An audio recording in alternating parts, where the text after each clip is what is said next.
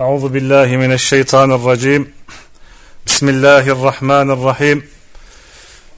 إن الحمد لله نحمده ونستعينه ونستغفره ونعوذ بالله من شرور أنفسنا ومن سيئات أعمالنا.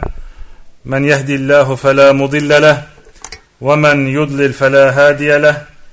وأشهد أن لا إله إلا الله وحده لا شريك له. واشهد ان محمدا عبده ورسوله وبعد Sevban radıyallahu anhu şöyle der. Resul sallallahu aleyhi ve sellem buyurdu ki diğer milletlerin yiyicilerin yemek kazanlarının etrafında toplanmaları gibi her taraftan üzerinize üşüşmesi yakındır. Yiyicilerin yemek kazanlarının etrafında toplanmaları gibi diğer milletlerin her taraftan her tarafta evet diğer milletlerin yemek kazanlarının etrafında toplanmaları gibi sizlerin üzerine üşüşmesi yakındır. Ve bizler dedik ki ey Allah'ın Resulü bizler o gün az sayıda mı olacağız? Buyurdu ki hayır. Bilakis sizler çok sayıda olacaksınız. Lakin sizler selin sürüklediği çerçöp gibi olacaksınız.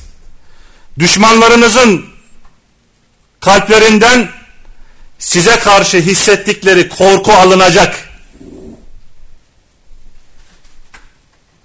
Ve Allah kalbinize vehen atacak. Sahabeler şöyle dediler. Ey Allah'ın Resulü vehen nedir? Buyurdu ki dünya sevgisi ve ölümden hoşlanmamaktır. Bu hadisi Ahmet Tabarani rivayet etmiştir. Sahihtir.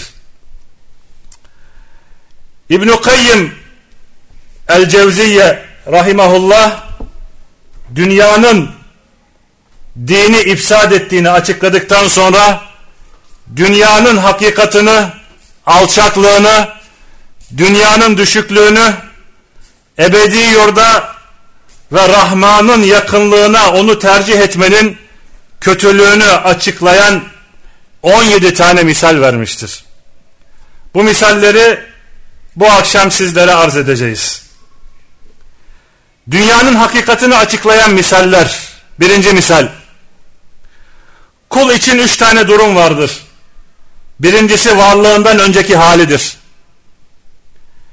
İkincisi öldüğü saatten itibaren nihayeti olmayan baki ve devamlı olan halidir. Sonra ruhu bedenine döner, ölüm sonrası ve ameliyle cezalandırılır ya ebedi cennete ya da ebedi cehenneme konur.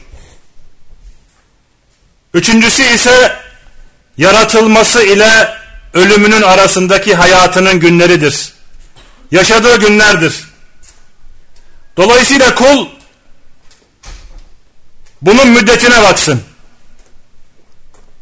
Ve bu müddeti öldükten sonraki müddetle kıyasladığında dünya ömrünün bir göz kırpımı anından az olduğunu anlayacaktır. Ve her kim bu dünyaya bu gözle bakarsa ona bağlanmaz ve dünyadaki dünya günlerindeki sıkıntı, darlık, bolluk ve refah evet dünyanın bu şekilde geçmesi, sıkıntıda geçmesi, darlıkta geçmesi, bollukta geçmesi veya refah ile geçmesine aldırmaz. Çünkü asıl onun için dünya değildir. Bu yüzden Resul sallallahu aleyhi ve sellem kerpiç üstüne kerpiç koymamış. Ve benim dünya ile alakam benim dünya ile ne alakam var? Benimle dünyanın misali ancak bir ağacın gölgesinde bir müddet dinlenip evet bir müddet dinlenip de bırakıp giden binekli yolcu misalidir der. Bu hadisi Tirmizi ve İbn-i Mace sahih olarak rivayet etmiştir. Ve yine şöyle buyurur sallallahu aleyhi ve sellem. Dünyanın ahirete nispeti ancak sizden birinin parmağını denize daldırması gibidir. Parmağı ile denizden almış olduğu suya baksın. Bu hadisi Müslim sahihinde rivayet etmiştir. Evet arkadaşlar dünya bir köprüdür. Ondan geçiniz ama onu tamir etmeye çalışmayınız denmiştir. Bu doğru bir misaldir. Zira dünya ahirete giden bir yol. Bu köprünün başlangıcı beşik, sonu ise kabirdir. Ve insanların bazısı köprünün yarısına, bazısı üçte ikisine, bazısı da geçmeye bir adım kalmış olduğu halde bunu bilemezler. Yani ömürlerine az bir şey kalmıştır. Nasıl olursa olsun bu köprüyü mutlaka geçeceklerdir. Dolayısıyla bu köprünün üzerine bina yapan ve onu çeşitli zinetlerle süsleyen kimse cehalet ve ahmaklığın doruğundadır. Çünkü köprü üzerinde kalıcı değildir, geçicidir. Kalbe giren dünya şehvetleri mideye giren yemekler gibidir. Lezzetli yemekler mideden bağırsaklara geçtikten sonra insan bundan nasıl nefret ederse aynı şekilde insan ölürken de kalbine girmiş olan dünya şehvetlerinden tiksinir. Yemekler ne kadar lezzetli, ne kadar yağlı ve ne kadar tatlı olursa pisliğinin de o oranda fena kokması gibi nefiste de ne kadar fazla arzu edilen şey varsa ölüm anında onlardan o kadar eziyet çeker. Müsned'de geçen hadiste Peygamber sallallahu aleyhi ve sellem Dahhak bin Süfyan'a tuzlu ve baharatlı yemek üzerine su ve süt içen sen değil misin der. Evet der. Resul sallallahu aleyhi ve sellem bu yemekler ne oluyor nereye gidiyor deyince bildiğiniz şey oluyor der. Ve bunun üzerine şöyle buyurur. İşte Allah Teala'nın işte Allah Teala dünyanın halini Ademoğlunun yediği yemeğin sonuna benzetmiştir der. Hadisi Ahmet rivayet etmiştir. Hasendir.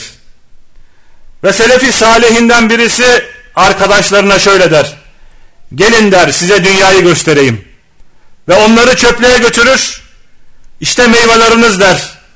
İşte tavuklarınıza, ballarınıza ve yağlarınıza bakın der.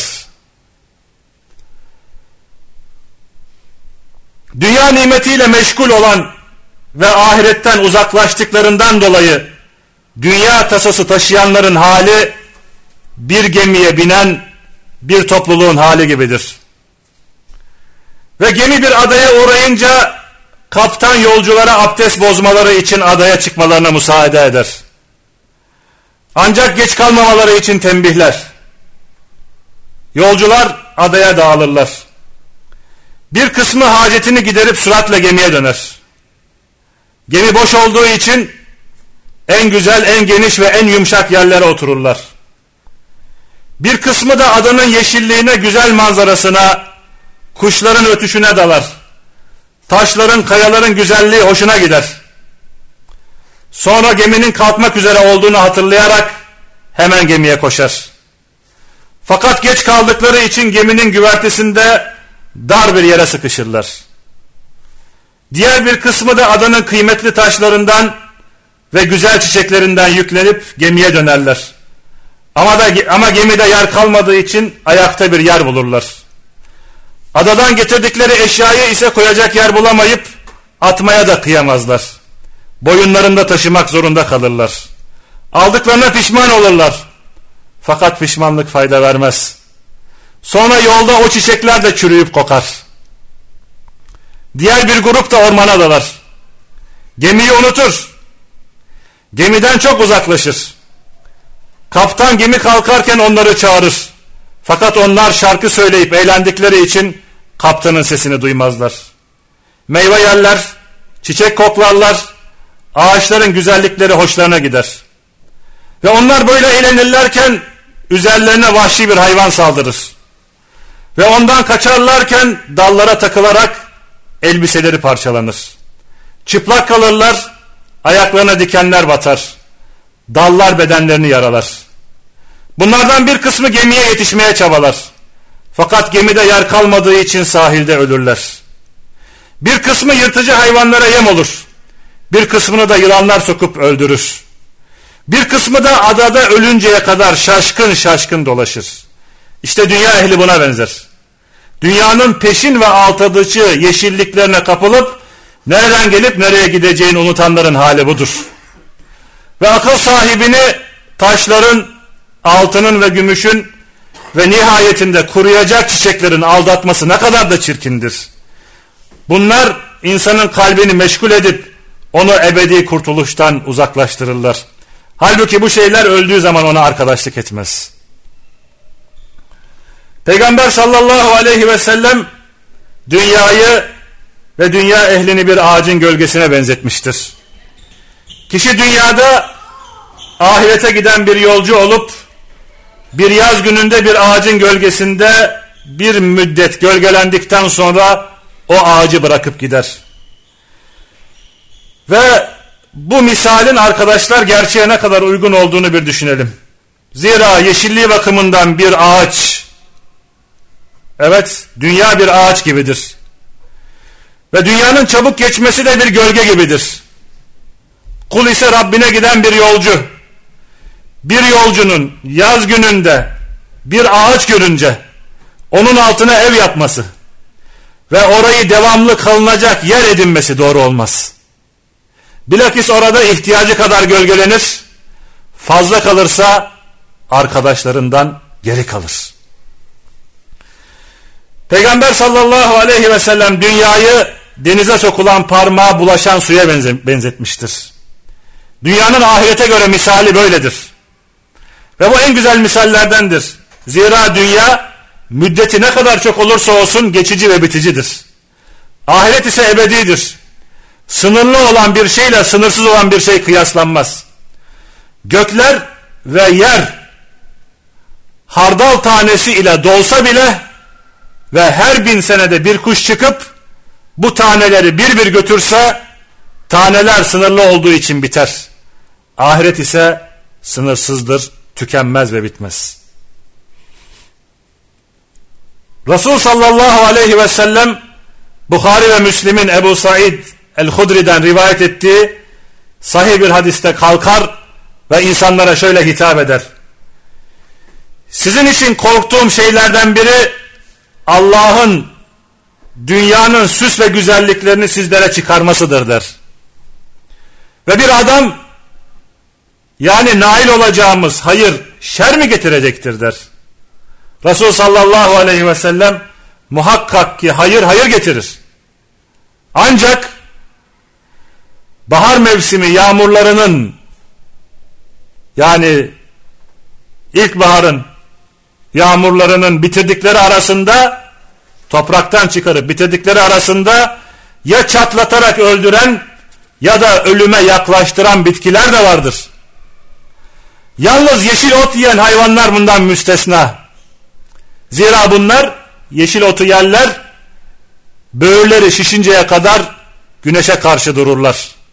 Geviş, getir, geviş getirirler, akıtırlar ve rahatça defi hacet yaparlar. Sonra tekrar dönüp yayılırlar. Şüphesiz ki malı hakkıyla alan kişiye bereket verilir. Bunu hak etmeden alana ise yediği halde doymayan, evet bunu hak etmeden alan ise yediği halde doymayan kimse gibidir. Bu hadisi Bukhari ve Müslim rivayet etmiştir. Hadiste bahar mevsimi yağmurlarının biriktirdikleri arasında ya çatlatarak öldüren ya da ölüme yaklaştıran bitki vardır der Peygamber sallallahu aleyhi ve sellem. Peygamberimizin bu sözü dünyadan ve dünyaya düşkün olmaktan sakındırmak için verdiği çok güzel bir misal. Zira insanın mala olan hırsı, mala olan açgözlülüğü ya onu öldürür veya ölüme yaklaştırır. Aynı o yağmurun bitirdiği Evet zehirli otlardan yiyen hayvanlar misali. Yalnız yetiş, yeşil ot yiyen hayvanlar müstesna. Yani dünyadan ancak ihtiyacı kadar alan, yeşillikten doyuncaya kadar yiyen koyuna benzetilmekte. Bunlar yerler ve böğürleri şişinceye kadar, şişince güneşe karşı dururlar. Geviş getirirler, akıtırlar ve rahatça defi hacet yaparlar. Sonra tekrar dönüp yayılırlar. Evet bu sözde üç tane fayda vardır. Bir tanesi ihtiyacı kadar yedikten sonra dönerek güneşe dönerek yediğini sindirir hayvanlar. İkincisi yediği şeylerden zararlı olanları güneşe dönerek yararlı hale getirir ve rahatça çıkarılmasını sağlar. Üçüncüsü yediklerini ihtiyaç gidererek boşalttıktan sonra rahatlar. Eğer yediğini çıkarmayıp bu yedikleri içinde kalırsa onu öldürür. Hayvanın yediklerini düşünün. Yediklerini çıkarmazsa ne olur? Çıkarmazsa çatlar. Dolayısıyla mal toplayan kişi de kendi maslahatı için bu koyun gibi yediklerini çıkarması gerekir. Bu hadisin baş tarafı hırsla mal toplayan kötü kişinin misalidir. Onun misali yediği şeyler kendisini öldürecek veya ölüme yaklaştıracak olan hayvan gibidir. Şüphesiz dere çeşitli çimen ve baklalar büyütür. Dere suyu. Ve hayvanlar bu derenin etrafındaki otlarla karınlarını doyururlar ve şişerler. Sınırı geçince bu onlara eza verir. Sonunda helak eder. Bunun gibi dünya malından helal olmayarak toplayan veya israf eden de böyledir. Ve hadisin sonu yeşillikten orta yollu yiyen ve ondan faydalanan hayvanların misali gibidir. O hayvanlar o temiz yeşillikten hırsla yemez. Kaldıracağı kadar yer. İhtiyacı kadar yer. İşte bu ihtiyacı olanı alıp sonra ondan faydalanmaya yöneliktir. Hayvanın burada defi hacet yapması malından hak sahiplerine vermesinden kinayedir. Onu tutarsa kendisine zararlı olur. Midesindekini çıkarmazsa. Aynı şekilde malı toparlayan, malı toplayan kişi bu malı Allah yolunda harcamazsa yine o mal onun için hayırlı değildir, şerlidir. Ve bu hadiste ne çok yiyip şişerek ölen hayvan gibi ne de tamamen yemeği bırakıp açlıktan ölmeye bilakis orta yolu tutmaya, tutmaya işaret vardır. Ve bu hadis mal sahibini bedeninde ve kalbinde kuvvet ve sıhhatini muhafaza etmeye, o malından tuttuğu takdirde zarar göreceği şeyi infak etmeye irşad etmekte. Evet arkadaşlar dünya bir denize benzer. İnsanların mutlaka onu geçip yurtlarının bulunduğu sahile varmaları lazımdır. Denizi geçmek ancak kurtuluş gemisiyle mümkündür.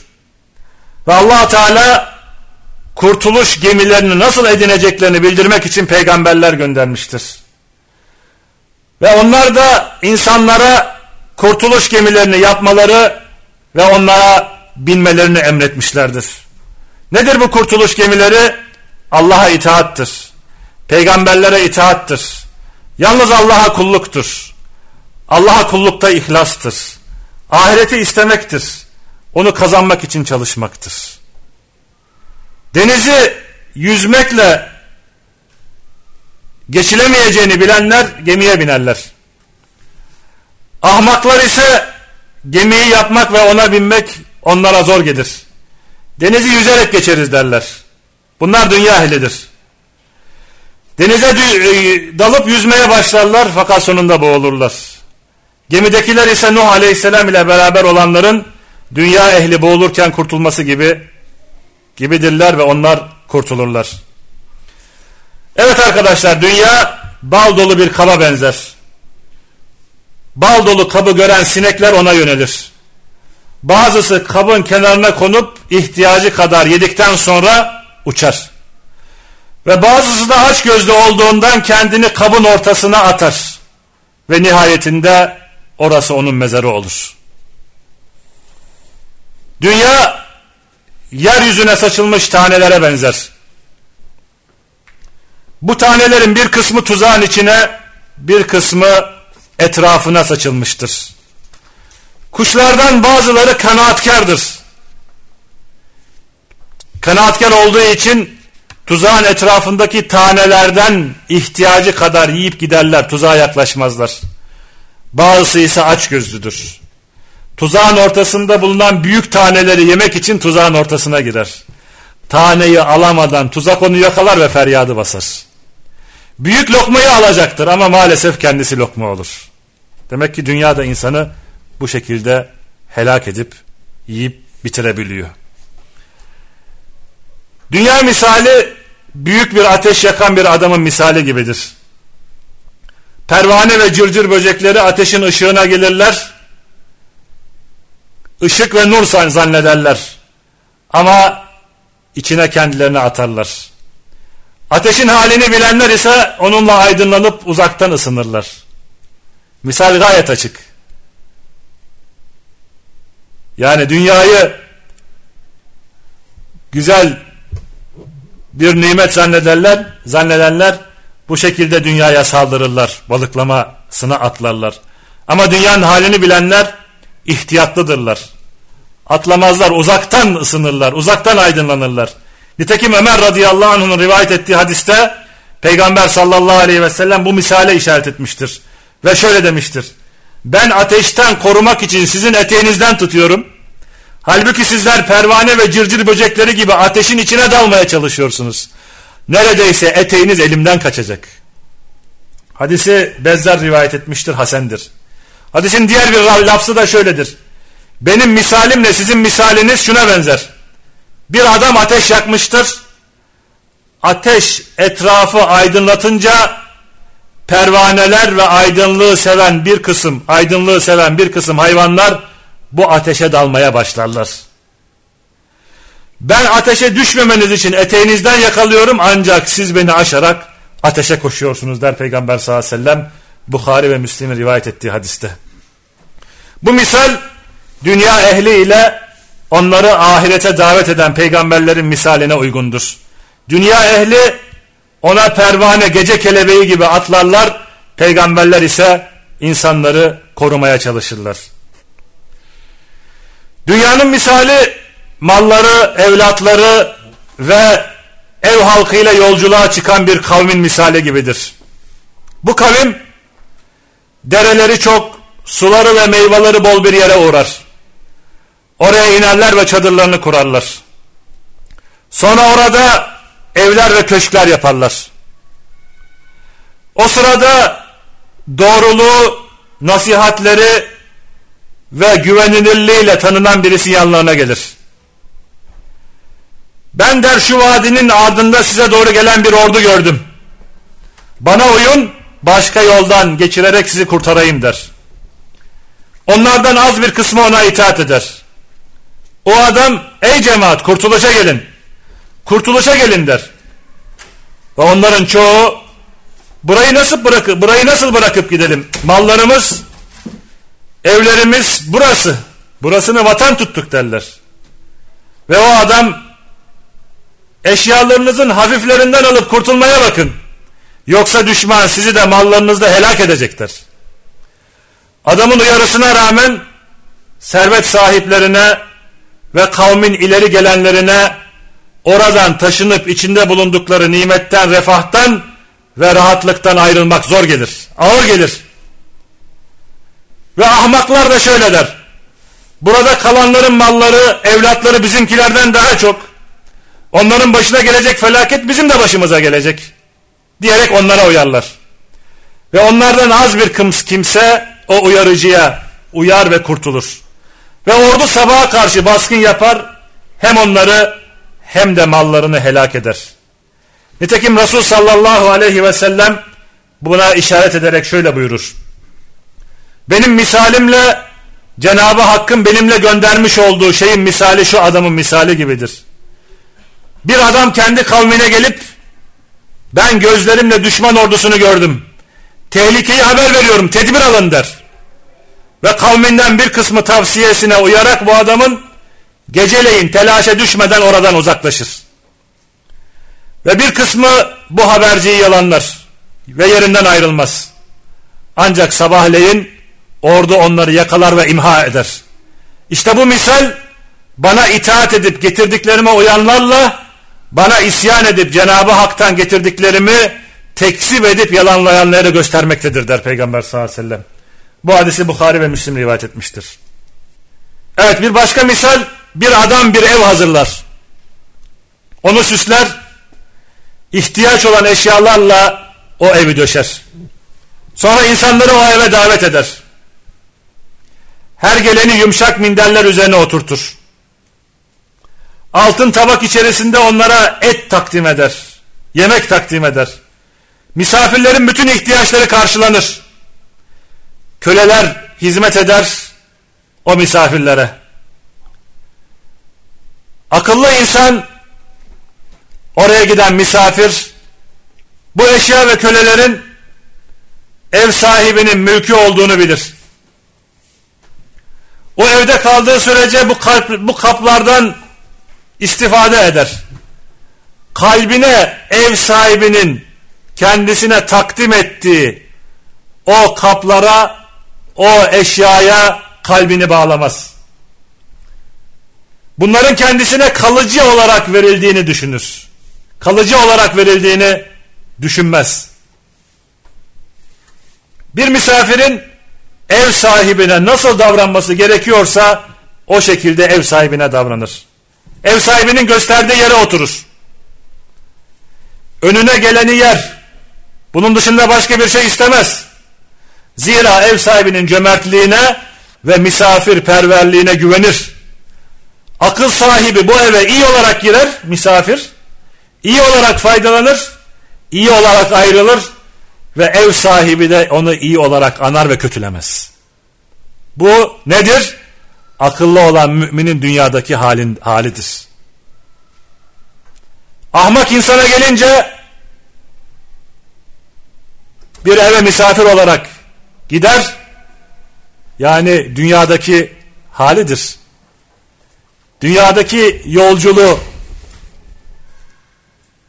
ancak bu evde misafir olmasına rağmen ikamet etmeyi içinden geçirir. Ben misafirim fakat o evde ben kalacağım, devamlı kalacağım der. Evdeki eşyaları mülküne geçirmeye başlar. Arzusuna göre evdeki eşyalarla evdeki eşyaları kullanır. Misafir olduğu o evde kendisine bir yer seçer. Dünyalık insanın yaptığı gibi. Ve bu eşyaları seçtiği yere götürüp gizler. İnfak etmeden mal ve mülk biriktiren gibi. Ev sahibi ona bir şey getirdiği vakit diğer misafirlere değil yalnız kendisine getirdiğini düşünür. Ev sahibi onun yaptıklarının farkındadır. Ama hoşgörüsü sebebiyle onu kovmaz. Allah'ın günahkar kullarına sabrettiği gibi. Bu ahmak ise bu ev ve eşyalara malik olduğunu zanneder. Kendisinin olduğunu zanneder. Ve burada o sanki o şeylerin sahibiymiş gibi tasarrufta bulunur. Ve orayı nihai olarak vatan edinir. Benim evimdir der bu. Aslında misafirdir. Misafir olmasına rağmen benim evimdir der. Ve orada sahibi gibi tasarrufta bulunmaya başlar. Orayı orayı vatan edindiği vakit artık kendi evi edinmiştir. Misafir olduğu evi ev sahibi kölelerini gönderir ve onu o evden zorla çıkartır. Almış olduğu eşya ve aletleri elinden alır. Elinde hiçbir şey kalmaz. Oradan rezil ve kepaze bir şekilde ayrılır. Zeki olan, akıllı olan bu misali hakkıyla düşünsün. Zira bu misal gerçeğe uygundur. Ve İbni Mesud bakın ne der arkadaşlar. Herkes bu dünyada misafirdir. Malı da emanettir. Misafir gidici, emanet ise sahibinde kalıcıdırdır. Sahihinde geçen Bukhari ve Müslim'in rivayet ettiği Enes hadisinde Enes radıyallahu anhu şöyle der. Ebu Talha dışarıda iken oğlu hastalanıp ölür. Ve karısı onun öldüğünü görünce evin kenarında bir yer hazırlar ve çocuğun üzerine örter ve evdekilere şöyle der. Siz Ebu Talha geldiğinde yani çocuğun babası geldiğinde ben durumu anlatıncaya kadar kendisine hiçbir şey anlatmayın. Ve Ebu Talha eve gelir karısına çocuğun nasıl olduğunu sorar. Çocuk hastadır. Gayet sakindir der hanım. Karısının adı Ummu Süleym'dir radıyallahu anha. Çok güzel bir sofra hazırlar Ebu Talha'ya. Ebu Talha yer içer, sonra en güzel bir şekilde süslenir kocasına. Ebu Talha'ya en güzel şekilde gözükür. Ebu Talha yemeğini yer, suyunu içer ve daha sonra hanımıyla cinsel temasta bulunduktan sonra hanımı ona şöyle der. Birisi sana bir emanet verse, sonra onu senden almak istese, onu vermemek gibi bir hakkın var mıdır der. O da hayırdır. O zaman sabret, karşılığını Allah'tan bekle. Allah da sana emanet olarak verdiğin oğlun Ebu Umeyr'i şimdi aldıdır. Yani ufak çocuk vefat etmiştir. Ebu Talha buna sinirlenir ve gazap eder. Beni çamura buladıktan sonra oğlumun öldüğünü haber mi veriyorsun der. Ve sabaha doğru peygamber sallallahu aleyhi ve selleme gider. Hanımının söylediklerini ve yaptıklarını ona bildirir. Ve bunun üzerine peygamber sallallahu aleyhi ve sellem şöyle der. Allah bu gecenizi her ikinize de bereketli kılsın. Evet. Dünyanın misali arkadaşlar bir sahra yolculuğuna çıkan bir kavmin misali gibidir. Ansızın susuzluk yakalar onları. Bir denizin kenarına gelirler fakat denizin suyu çok tuzludur. Hayli susadıkları için acılığına, tuzluluğuna aldırmadan içerler. Ama içtikçe susuzlukları artar. Çoğunun mideleri parçalanır ve susuzluktan ölürler. Sonra işlerinde akıl sahibi olanlar suyun acı ve tuzlu olduğunu idrak ederler. Zira sudan içtik, içtikçe susatmaktadır deniz suyu. Oradan uzaklaşırlar. Yumuşak bir arazi bulup, bulup kuyu kazarlar. Ve oradan tatlı su çıkartırlar. O sudan içerler. Hamur yapıp yemek pişirirler. Sonra deniz kenarında bulunan kardeşlerine şöyle derler. Tatlı suyun yanına gelin. Diyerek onları çağırırlar. Ama deniz kenarında olanlar alay ederler onlarla. Bazısı ise içinde bulunduğu durumdan razıdır. Çok azı bu daveti kabul eder. Evet İsa aleyhisselama nispet edilen bir sözde de şöyle demiştir. Dünya talibinin misali deniz suyunu içen gibidir. İçtikçe susuzluğu artar ve sonra da ölür. bir başka misal bu en güzel misallerden bir tanesidir, örneklerden bir tanesidir. Hükümdarların biri, kralların biri insanların içinde zevk ve sefa sürmeleri için görülmemiş, işitilmemiş şekilde çok geniş, çok güzel bir köşk yaptırır. Ve bir de ona giden bir yol yaptırır. Ve insanları ona davet eden davetçiler gönderir. Gelin benim güzel bir köşküm var. Orada zevk ve sefa sürün. İstediğiniz kadar yiyecek var. İstediğiniz nimetler orada vardır diyerek davetçiler gönderir ve o davetçiler insanları o köşke davet eder. Ancak köşkün yolu üzerine en güzel zinetlerle süslenmiş güzel bir kadın oturtur. Köşke giden yol üzerine. Ve kadının emrine birçok yardımcı ve hizmetçi verir. Ve kadının ve hizmetçilerin eline o yoldan hükümdara gidenlere verilmek üzere azık da verilir. Hükümdar kadına ve hizmetçilerine şöyle der. Yolculardan her kim size bakmayıp bana gelmek için, bana ulaşmak için sizden azık isterse ona hizmet edin, azık verin. Onu bana gelmekten alıkoymayın. Bilakis yolculuğunda bana ulaştıracağı her şeyi ona vermek suretiyle yardım edin. Her kim de sana göz dikerse yani kadına seninle kalmaya razı olursa yolda giderken saraya giderken köşke giderken güzel kadını gördükten sonra sana göz diker seninle kalmaya razı olur seni bana tercih eder yalnız ve yalnız sana kavuşmak isterse ona azabın en kötüsünü tattır ve ona en aşağı ve en değersiz olan şeyi ver onu kendine hizmet ettir arkandan bir vahşi hayvanın koşması gibi koştur. İnsanın dünya arkasından koşturduğu gibi. Her kim de senden yiyip içip yiyip içmek isterse az bir şey vermekle onu aldat. İnsanların dünyanın az bir nimetine kanması gibi. Sonra verdiğini ondan geri al. Ölürken hepsi gidiyor. Onda bir şey bırakma. Onun üzerine hizmetçilerini ve kölelerini musallat et. O seni ne kadar severse, sana ne kadar tazim ve ikramda bulunursa, sen de ona o kadar öfke, ihanet ve tahkir ile mukabelede bulun.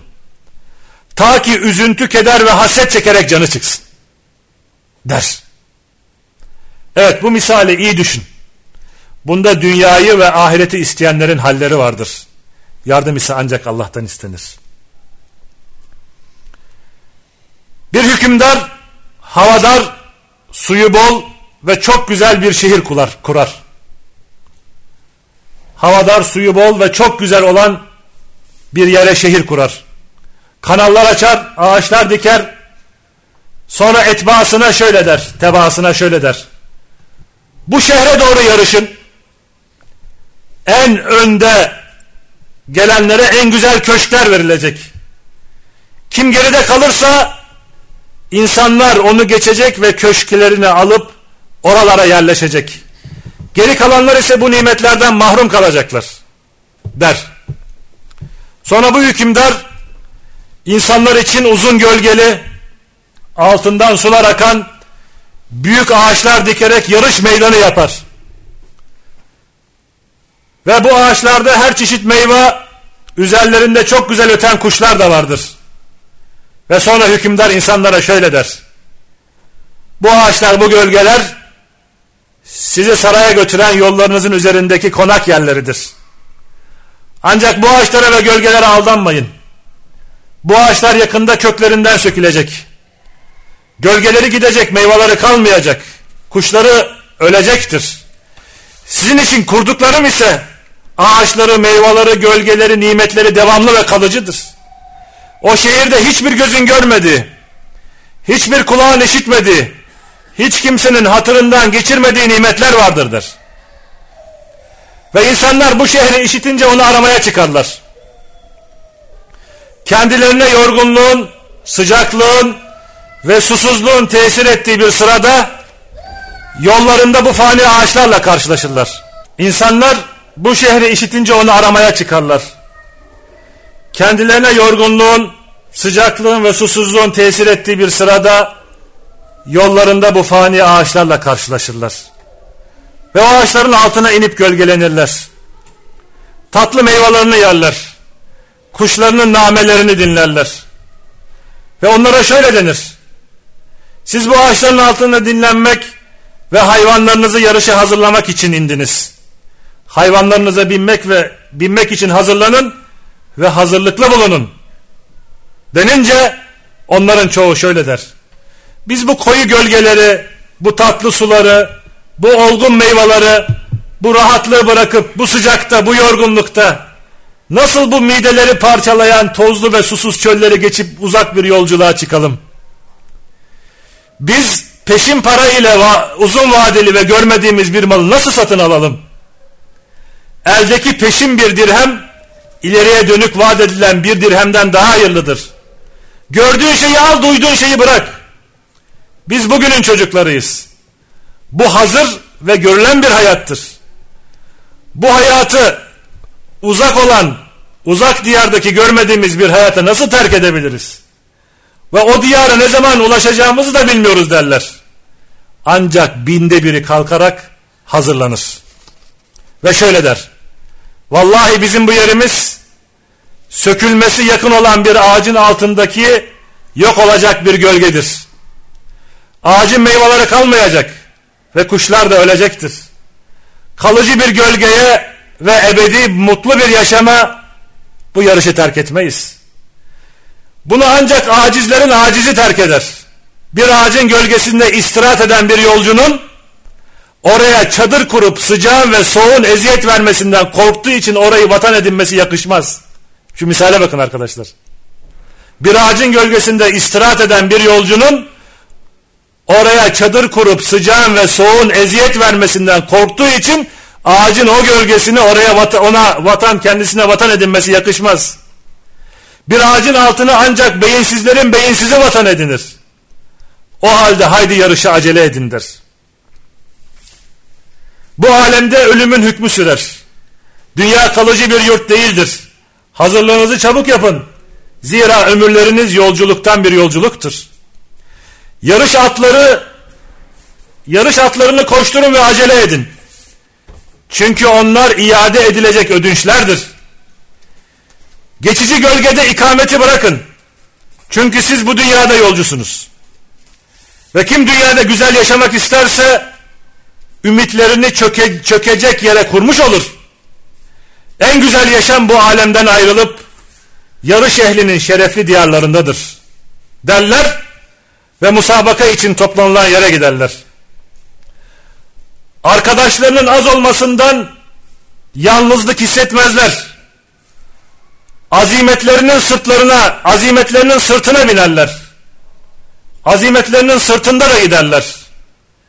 Gidişlerinde kınayıcıların kınamasına aldanmazlar. Geride kalanlar ise ağacın gölgesinde uyurlar.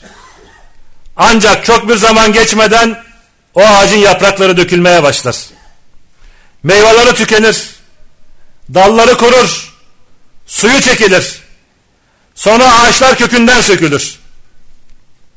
Ağaçların altında kalanlar yakıcı ve kavurucu rüzgarın tesirinde şaşkın şaşkın dolaşırlar. Ağaçların gölgesindeki yaşamları ellerinden gittiği için üzülerek feryat ederler. Ağaçların bakıcısı gelir, sökülen ağaçları yakmaya başlar. Ve ağaçlar etrafındaki bitkiler, ağaçlar etrafındaki bitkiler alev saçan bir ateş olur. Ve ateş ağacın altında bulunanları da kuşatır. Hiçbiri kurtulamaz ve ateş içinde kalanlar bizimle beraber ağaçların altında gölgelenip sonra bizi bırakıp gidenler nerede kaldı derler. Ve bunlara şöyle denir. Başlarınızı kaldırıp onların makamlarına bakın. Ve başlarını kaldırdıklarında onları hükümdarların köşklerinde çeşitli nimetlerle zevk ve sefa içinde görürler. Onlara katılmadıkları için pişmanlıkları kat ve kat artar. O sırada kendileri ile arzu duydukları şey arasına bir perde çekilir. Acıları daha da artar. Geride kalanların cezası budur denir. Ve allah Teala şöyle buyurur. Biz onlara zulmetmedik, bilakis onlar kendilerine zulmetmişlerdir. Nahl suresi 118 Dünyanın misali suyla dolu büyük bir havuza benzer. Ondan insanlar ve hayvanlar su içmeye devam ettikleri için eksilmeye devam etmiş. Ve sonunda dibinde kirli, bulanık ve hayvanların bevlettiği su kalmıştır. Müslim'in sayında rivayet ettiğine göre Utbe bin Gazvan radıyallahu an hutbesinde şöyle demiştir. Şüphesiz dünya geçici olduğunu bildirmiş, süratle geçip gitmiştir. Ve ondan ancak sahibinin biriktirmeye çalıştığı bir su kabında kalan birikinti gibi az bir şey kalmıştır. Siz bu dünyadan zevali olmayan bir yere taşınacaksınız. O halde en hayırlı amellerinizi hazırlayarak taşının. Ve Abdullah İbni Mesud da şöyle der. Şüphesiz Allahu Teala dünyanın tamamını az kılmıştır. Ondan ancak azın azı kalmıştır. Onun kalanı temiz kısmı içilip bulanık kısmı kalan göl gibidir der. Dünya arkadaşlar bir şehirde bir süre kalan bir kavme benzer. Ancak o şehirde birçok musibet ve afetler olmuştur. Şehrin yolları bozuktur ve şehre zaman zaman düşman ordusu baskın yapar. Bunları gören hükümdar musibetin, afetin ve hastalıkların olmadığı, düşmanın olmadığı bir başka yerde ikinci bir şehir kurar. Ve birinci şehri yıkmak ister. Orada oturan insanlara haberciler gönderir. Ve üç gün sonra göç edilmesi ve hiç kimsenin geri kalmamasını bildirir. Ve orada birinci şehirde bulunanlar birinci şehirde bulunan cevher, inci, altın, gümüş gibi yükte hafif yükte hafif fakat pahada ağır olan ve hükümdarın işine yarayacak olan şeyleri ikinci şehre taşımalarını emreder. He gelin ama der gelirken beraberinizde çok pahalı şeyler getirin. Altın getirin, gümüş getirin, zümrüt getirin, inci getirin. Fazla yer almayan fakat yükte hafif şeyler getirin der. Ve hükümdar onlara kılavuzlar ve nakil araçları gönderir. Aynı Allah'ın peygamberler gönderdiği gibi. Ve onlar için geniş yol yap yapar. Kur'an ve sünnetin apaçık olduğu gibi.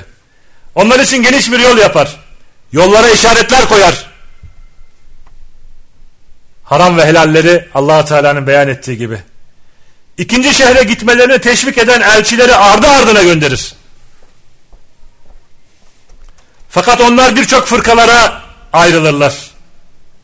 Ve onlardan az biri, az bir fırka bu birinci şehirde çok az kalacaklarını ve burada en hayırlı olanları elde edip ikinci şehre taşınma, taşınmadıkları takdirde bu fırsatın kendilerinden kesin olarak kaçacağını anlamışlardır. İdrak etmişlerdir ve bilmişlerdir. Evet, ağır yüklerini hazırlarlar ve yüklerinin çok olması için birbirleriyle yarışırlar. Ve bu grup kendi aralarında hallerine ve arzu ve isteklerine göre yine birçok kesimlere ve sınıflara ayrılırlar. Bunlardan bazıları yüklerini para olarak hazırlarlar. Bazıları başka şey hazırlarlar. Fakat maksatları ağır yükleri hazırlayıp birinci şehirden göçmektir.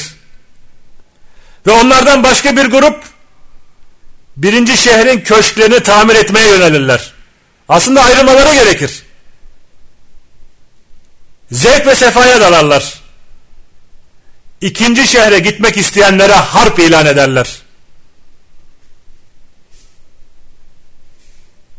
Ve bizim mallarımızdan bir şey almanıza izin vermeyiz derler.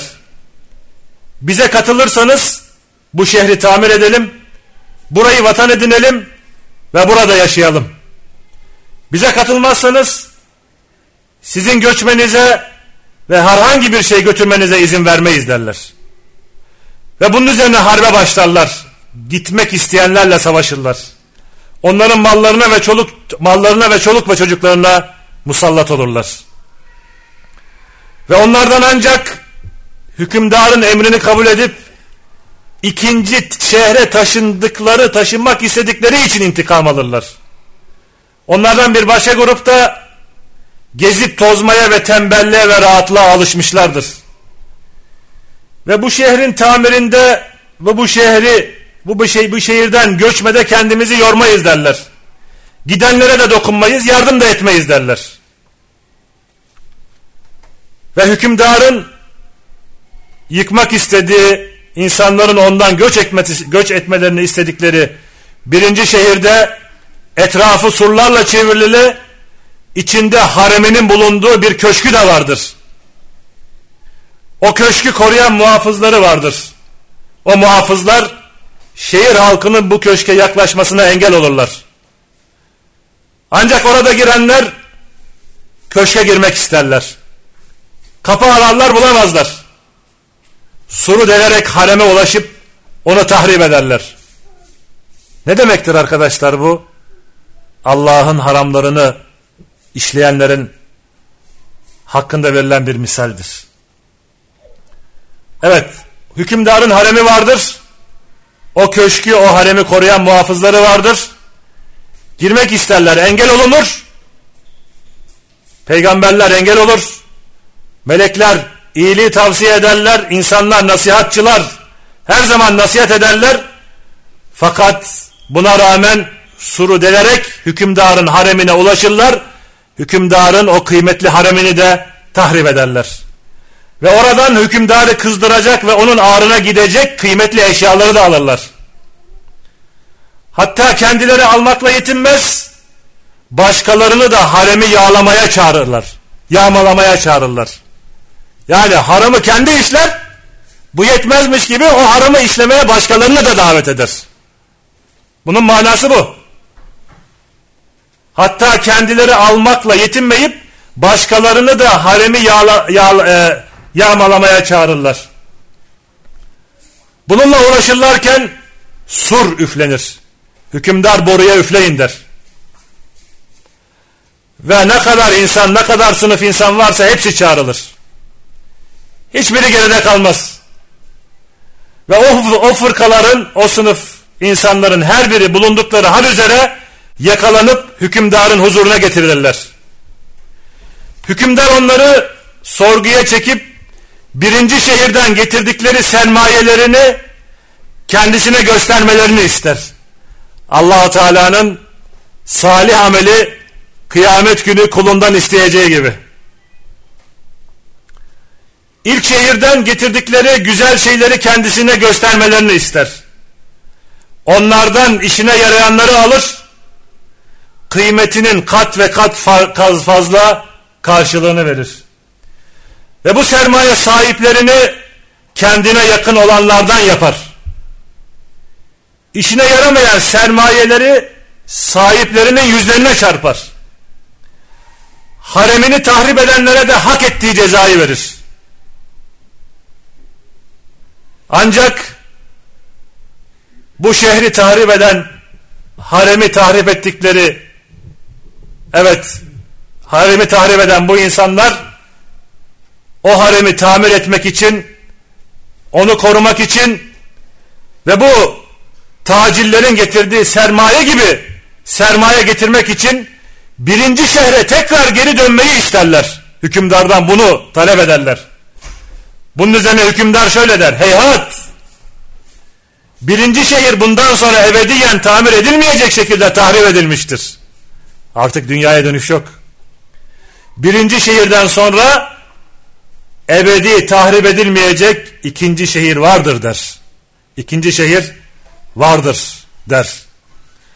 Evet arkadaşlar zeki olan insan bu misallerin birisi bile kendisine yeterlidir ve bir an olsun bunları dinleyen, bunları işiten, bunları idrak eden insan Rabbine bir an olsa dahi isyan etmeyi kati surette düşünmez. Subhaneke Allahumma ve bihamdik eşhedü en la ilahe illa ent estağfiruke ve atubu ileyk.